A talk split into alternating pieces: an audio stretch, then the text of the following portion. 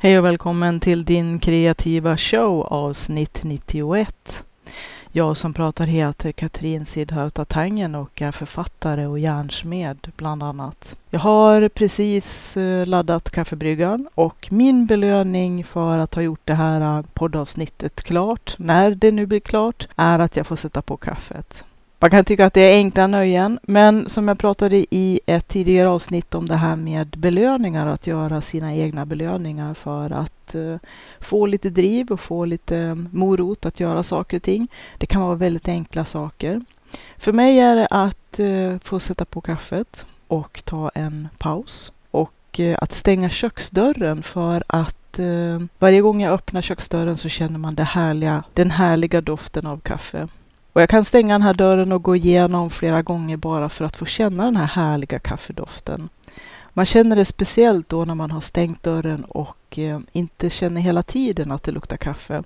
Och så sen så öppnar man dörren och kliver in i köket och det är den här äh, riktigt hemtrevliga doften av kaffe som jag tycker är så himla härlig. Jag har fortfarande inte ännu förtjänat min belöning som jag pratade om i avsnittet som handlade om belöningar. Men jag tänker ähm, att äh, snart nog så har jag förtjänat att få min belöning. Idag ska vi inte prata så mycket om belöningar egentligen, utan det kommer att handla om vad händer efter att man har gått ut gymnasiet? En liten reflektion som jag har haft ända sedan jag slutade gymnasiet. Nej, kanske inte riktigt ända sedan jag slutade gymnasiet, men några år efter att jag slutade gymnasiet så mm, jag har fortfarande en hel del kontakt med de personer jag gick i gymnasiet med. Och några av dem som jag tyckte var absolut roligast, mest spillevinkiga och hade mest upptåg för sig och Eh, var kreativa, roliga, underhållande människor som hela tiden hade något nytt på gång. Några av dem utvecklades inte riktigt så bra som jag tycker att de hade potential i alla fall. Och då menar jag inte att de eh, hamnade i missbruk eller i dåliga förhållanden eller sådär, utan att de blev väldigt tråkiga medelålders Svensson-personer. Och det är ingenting illa att vara en Svensson-person, att uh, knega betala sin hyra och sin skatt och göra det man ska. Det tycker jag är faktiskt är helt och hållet lovvärt och någonting som eh, jag önskar att alla hade förmånen och privilegiet att kunna göra. Men jag tror inte att eh, det betyder att man måste bli skittråkig som person, uppriktigt sagt.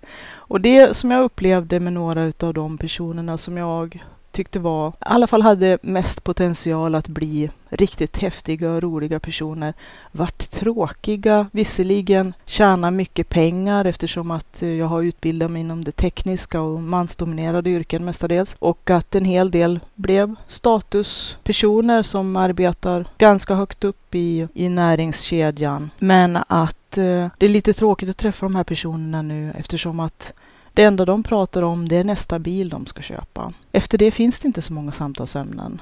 Och när man har hört deras senaste bil de ska köpa efter alla gånger som man tidigare har hört dem berätta om den nästa bilen de, som de ska köpa och alla de faciliteter som just den nya modellen och den nya årsmodellen av bilen har. Det blir ganska fort gammalt.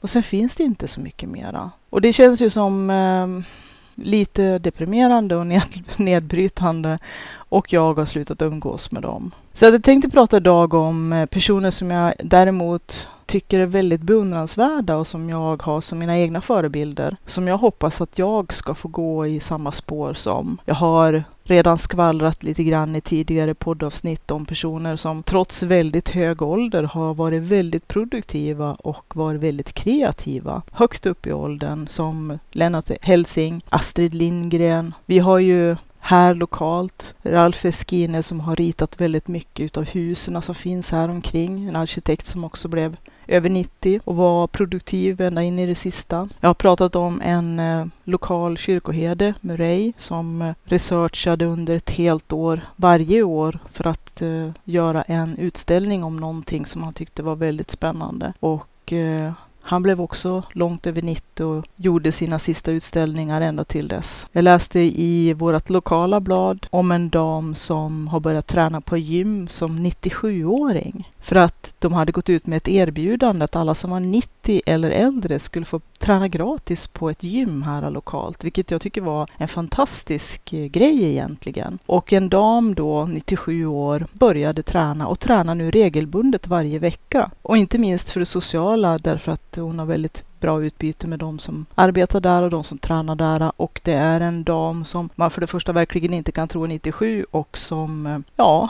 verkligen håller sig i form. Sådana saker tycker jag är väldigt stimulerande.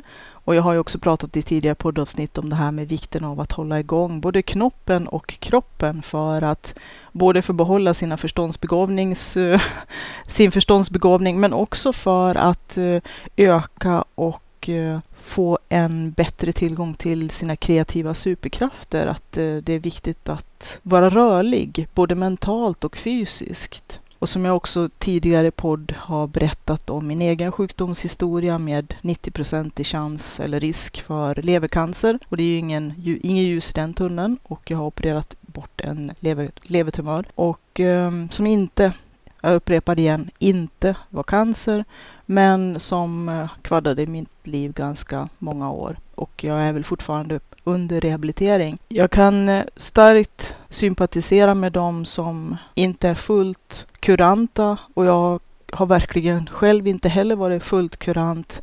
Men det som höll mig vid liv och som jag också pratar om, jag tror det är i poddavsnitt 34, det var kreativiteten. Utan den hade jag dött. Att viljan att leva för att skapa och vara kreativ och att man inte vill lämna varken sina nära eller kära och framförallt inte mindreåriga barn, men inte heller sin, sitt kreativa pågående arbete. Så kreativiteten gjorde att jag också kunde skapa olika typer utav tekniker för att klara skallen. Och jag upptäckte ganska snart att det absolut viktigaste inför de väldigt svåra kirurgiska ingrepp som i sig höll på att ta livet av mig, utav sex kirurgiska ingrepp, så kom jag underfund med att jag måste hålla mig själv fysiskt och mentalt i rörelse för att kunna stressa av och inte spränga topplockspackningen. Det här med att hålla sig i rörelse och vara mentalt rörlig, det är väl lite grann temat för det här poddavsnittet. Och jag tror att det som har hänt med mina kamrater ifrån gymnasietiden är tyvärr att de slutade vara mentalt rörliga. Och jag tror att det här hände ganska många efter att de utbildat sig klart. Nu var ju inte mina gymnasiekamrater färdigutbildade, inte de som jag pratade om i inledningen här. Men eh, att eh, efter att eh, studierna var avslutade, som jag tror är ganska vanligt för många människor, att när man har slutat plugga då liksom lägger man ner all utveckling av sig själv och sitt mentala. Och jag känner det som att eh, visserligen kanske mycket av ens energi och kapacitet går åt till att starta och hålla igång karriären och kanske klättra lite på karriärstegen. Men jag känner det som att under studietiden då man verkligen får slita ont och då inte bara ha ett eh, dagtidsarbete utan eh, förutom dagtid så på kvällar och nätter sitta och plugga ännu mera och med en usel ekonomi så kan man liksom inte riktigt skylla på att man när man börjar jobba plötsligt inte riktigt räcker till. Under studietiden är man ju mycket pressad, väldigt hårt pressad. För de allra flesta är ju det verkligen en kamp varje dag med att få timmarna att räcka till. Och dessutom kanske ha ett ganska rikt uteliv som kan sätta sina spår och vara ganska krävande, även om att det kanske handlar om att sätta sina egna gränser. Om man nu ska ta att ha börjat arbeta som en ursäkt för att kunna lägga ner hela verksamheten. Jag vet inte hur det förhåller sig om de slutade utvecklas eller om de slutade vara vakna, öppen och alerta för nya intryck. Om de på något vis eh, gick ner i något slags eh, defensivt hemmaspel eller om de då tyckte att de hade gjort sitt och sen inte behövde anstränga sig mera förutom att arbeta och eh, kanske strida lite på karriärstegen. Men att tjäna pengar och eh, köpa nästa bil, om det blir hela livsinnehållet, då vill jag hoppa av tåget. Alla måste ju välja sitt liv själva och det som de är lyckliga av alla är vi saliga på vår egen lycka. Men för mig så är det väl så att eh, de inte längre blev så intressanta, förlorade det som jag tyckte var deras eh, absolut starkaste personlighetsdrag efter att de verkar ha lagt ner verksamheten efter gymnasiet. Jag vet inte om det är så, eller om de kommer att kanske längre fram få någon typ av större livsförändring, vilket i och för sig inte är så jätteovanligt. Livet går ju i skiften och så och att man kanske känner att man har stagnerat. Och då brukar de här äh, ålderskriserna komma som ett pärlband och rada upp sig. Jag vet inte om det hänger ihop. Men jag känner att det kanske inte egentligen behövde vara så ifall att man ehm, fortsatte att vara nyfiken och vara vaken och vara alert och vilja utvecklas och utforska, våga misslyckas som jag har som käpphäst. Då skulle man inte kanske behöva bli medelålders efter att man har gått ut gymnasiet och bli en skittråkig, nästan pensionär. Och det är väl också det som kanske binder ihop det här lite grann, att eh, de personer som jag känner verkligen har driv, de kan ju vara 90 plus och är verkligen inte pensionär.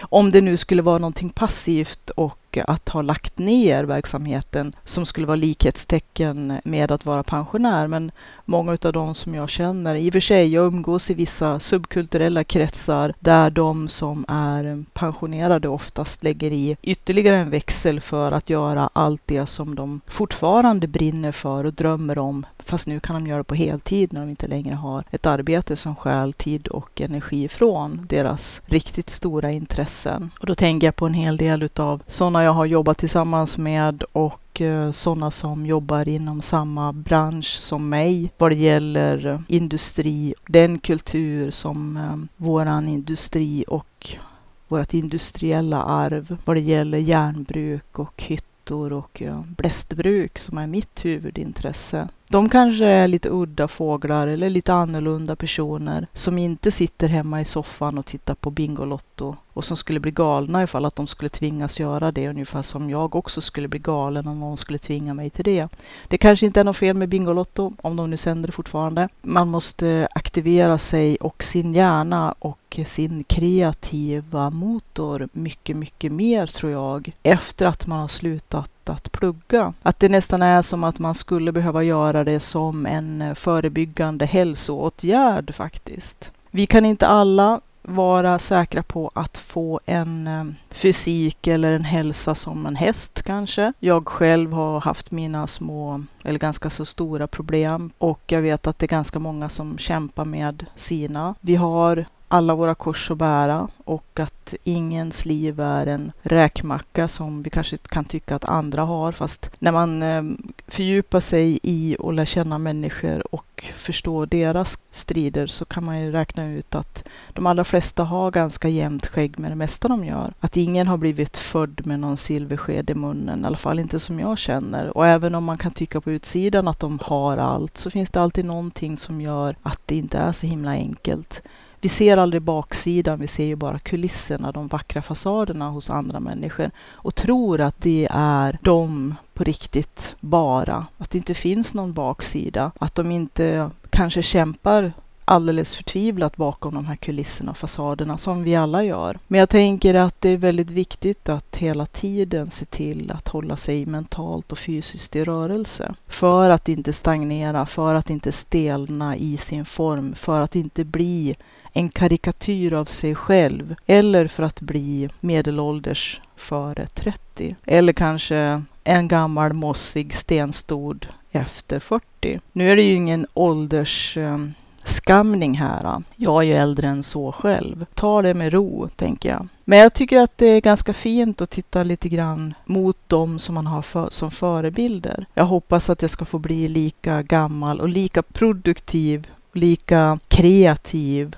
och lika fortfarande skapande som Astrid Lindgren och Helsing. Och jag tänker också på en engelsk väldigt känd journalist som var utrikeskorrespondent under andra världskriget och som blev, eller som fortfarande lever, i alla fall sist som jag vet i alla fall, för att de firade hennes 105-årsdag för något år sedan som jag kollade in på nätet. Och hon, eh, visserligen med en del fysiska skavanker, men som var fullkomligt klar i knoppen. Och eh, vid hyggligt god vigör vid pass 105 år. Men jag tänker på den här damen lokalt som tränar på gym och 97 år. Det skulle vara en målbild att ha, att sträva efter. Och att eh, hon också skrev just, eller när de intervjuade henne så berättade hon om hur mycket mera energi och hur mycket mera hon kände sig levande genom att vara så aktiv. Jag har en annan lokal historia. De eh, renoverade och satte igång en gammal kvarn här i Järbo där jag bor. Och det här var ju för ett antal år sedan. Den här kvarnen hade inte varit aktiv på bra länge men man fixade upp den och började använda den så som den var tänkt från början. En kar som eh, var engagerad, nu vet jag inte om han var ägare eller delägare eller på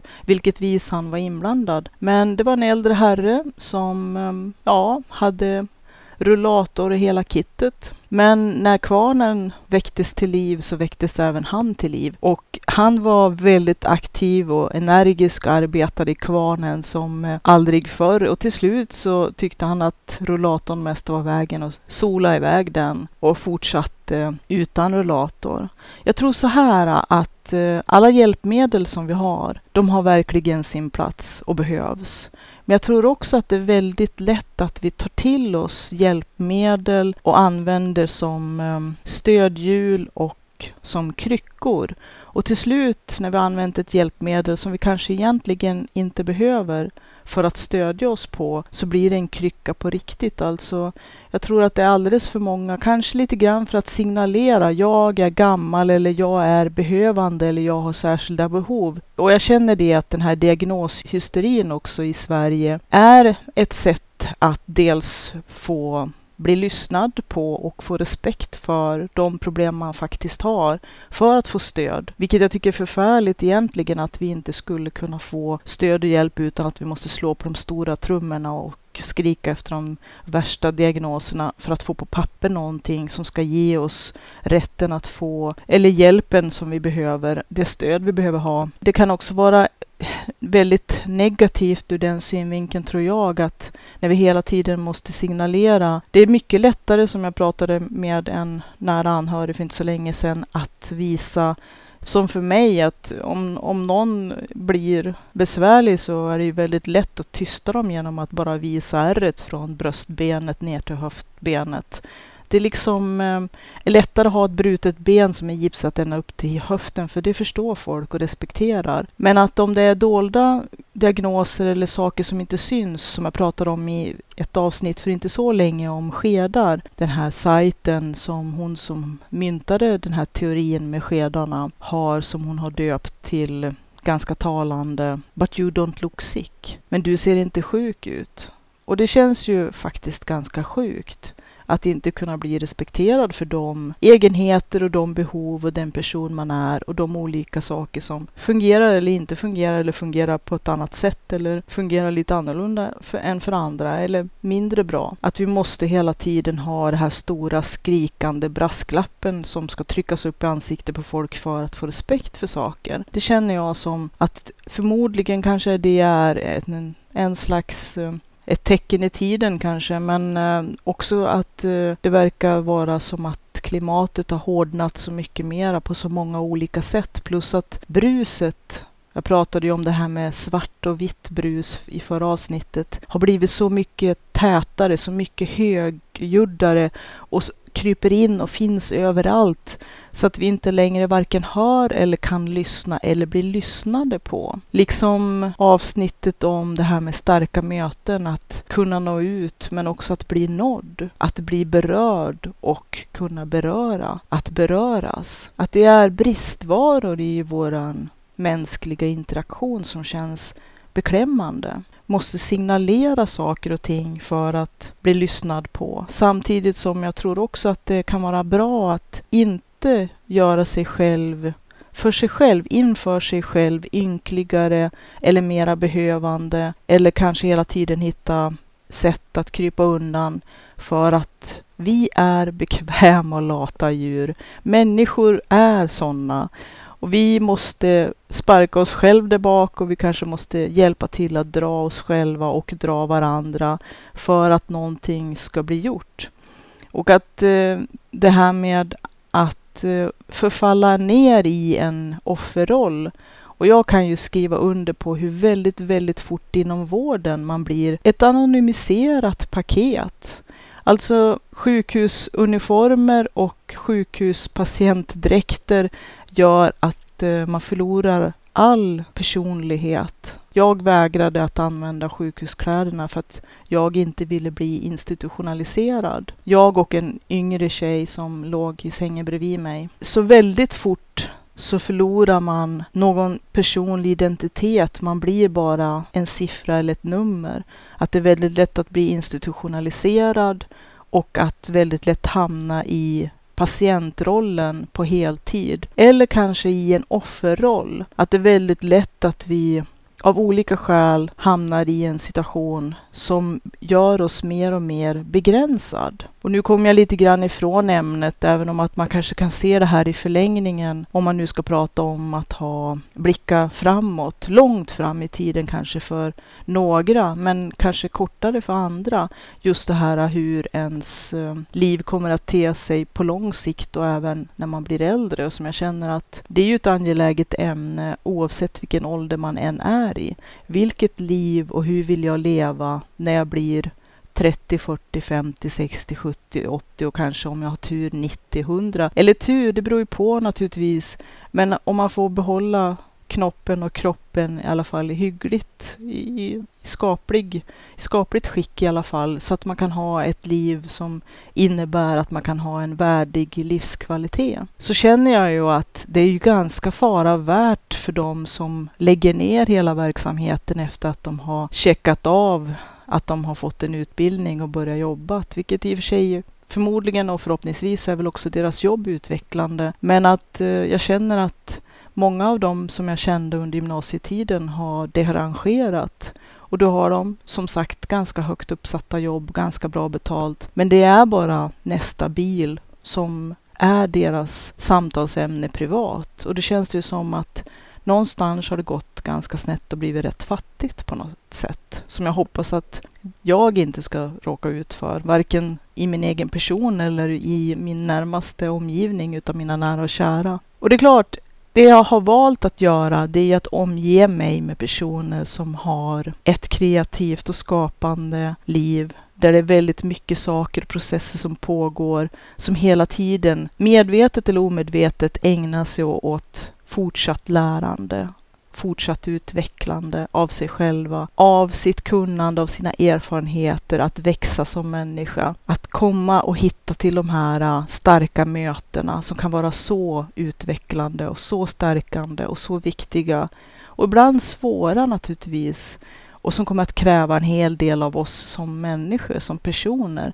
Men efteråt, eller när de pågår också, är så otroligt, otroligt laddade och inspirerande, så fulla med energi och som kan föra en så långt. Att vänskap är väldigt viktigt och att det är också väldigt angeläget att inte slarva bort alla de bra personerna som man har runt omkring sig. Och om man inte har några bra personer eller inga personer alls. Väldigt många kämpar ju med svår ensamhet nu för tiden, vilket också känns på något vis lite misslyckat i den här tiden utav all IT-teknologi, alla sätt vi kan kommunicera med varandra. Men att eh, vi ändå, och som det känns som att ensamheten växer och bara blir större och större. Men att våga sig ut i den fysiska världen, hitta sina forum och att träffa andra. Ibland på vinst och förlust. Man behöver inte ta några onödiga eller dumma risker. Men att lära känna andra människor på djupet genom att verkligen intressera sig för dem och inte bara vara intresserad utav jag, jag, jag, mig, mig, mig, se, se mig, bara jag, jag, jag, som jag känner att nu i de här tidevarven utav en miljard selfies och jag vet inte om man ska kalla det för bekräftelsehoreri och bekräftelseklåda som tenderar att gå över till pundande. Kanske det är också en typ av ensamhet i våran nya moderna IT-teknologitid. Att folk hela tiden jagar efter likes och bekräftelse. Att man kan må lite bättre en liten kort stund bara att någon gillar en bild man har lagt ut på sig själv eller någonting. Eller på fasaderna. Att det är väldigt mycket selfies just nu. Eller det har väl varit under en väldigt lång tid. Och vissa personer som jag känner bara pumpar ut selfies. Det pågår nästan ingenting annat i deras liv. I alla fall inte vad man kan se i deras flöden. Vilket känns också ganska beklämmande. Att om det handlar om bara selfies och nästa bil man ska köpa, som kanske ska imponera på grannen och stå på uppfarten, Och det är klart, igen, det man blir lycklig av, det ska man ägna sig åt, absolut. Men jag känner att det är inte riktigt mitt forum. Och de personerna, de sakta, sakta så försvinner de bort i periferin för mig i alla fall. Därför att det finns inget utbyte som vi kan ha med varandra. Och jag söker mig till subkulturmänniskor, personer inom mina specialintressen som samlas där det finns skrivande, läsande, växande, lärande människor.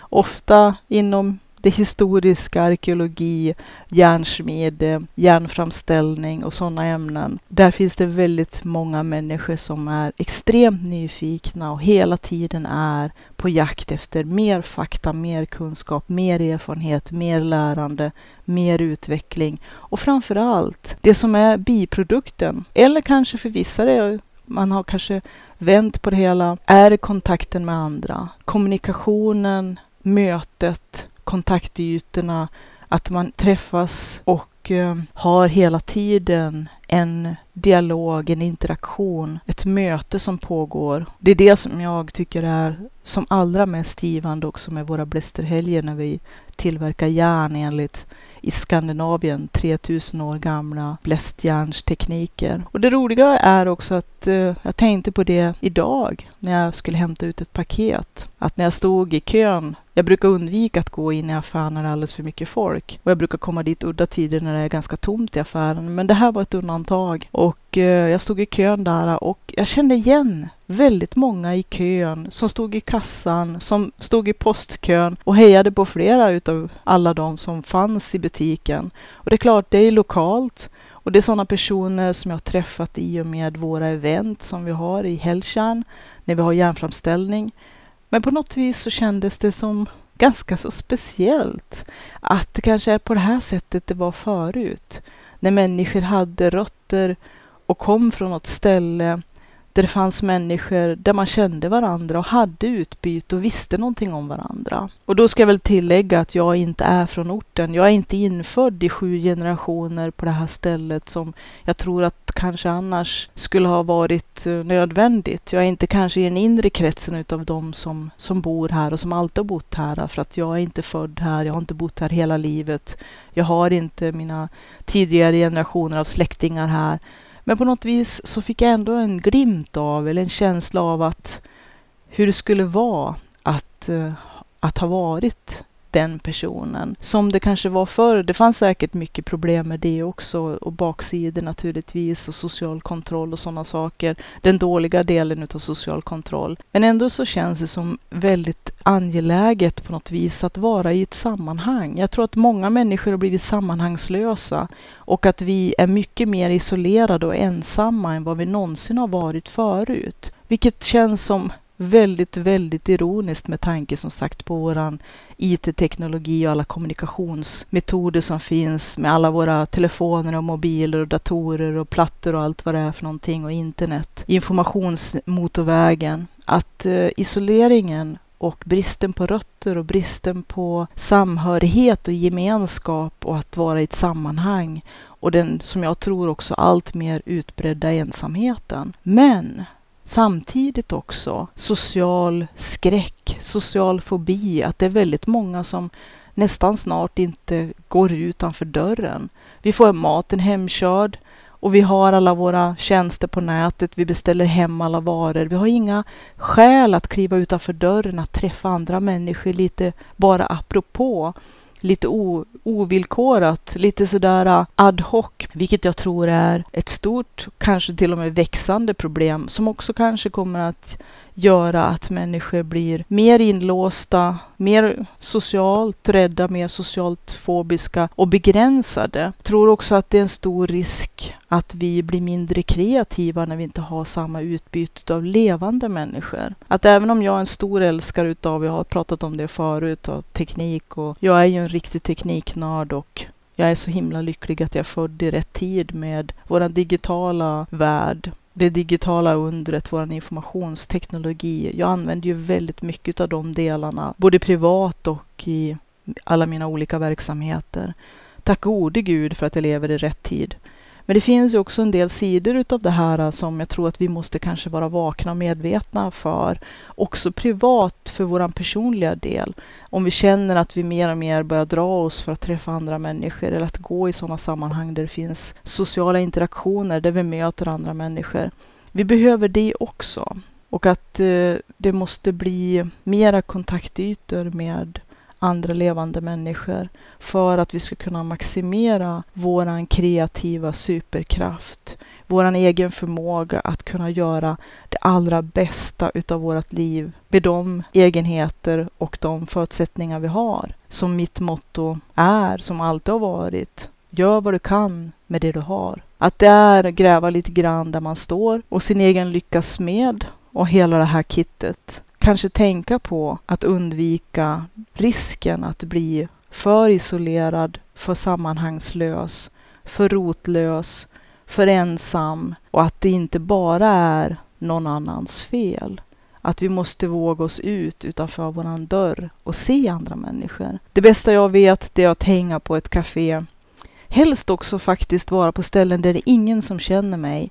Därför att då kan jag betrakta folk och ta in människor andras interaktioner med varandra. Som författare, väldigt viktig väg för att förstå mänsklig rörelse. Att vi behöver se andra människor interagera också för att själva utvecklas i våra egna interaktioner. Tror jag, det är en teori jag har. I alla fall känner jag det som att det är så för mig. Att jag lär mig väldigt mycket genom att dels betrakta andra människor, men också framför allt att ha djupa och många samtal med personer som jag kan möta och som kan möta mig. Det är något utav det mest värdefulla som finns. Så mitt råd är att ge sig ut i världen och våga upptäcka den. Och framför allt att våga möta andra människor. Och det allra bästa är ju att kunna använda kanske sina egna specialintressen, sina egna nördiga intressen kring vad det nu är för någonting. För det är alltid automatiskt en brygga och en bro till kontakter eftersom att det är ganska svårt att få nya kontakter som vuxen, för det kan man ju inte sticka under stol med.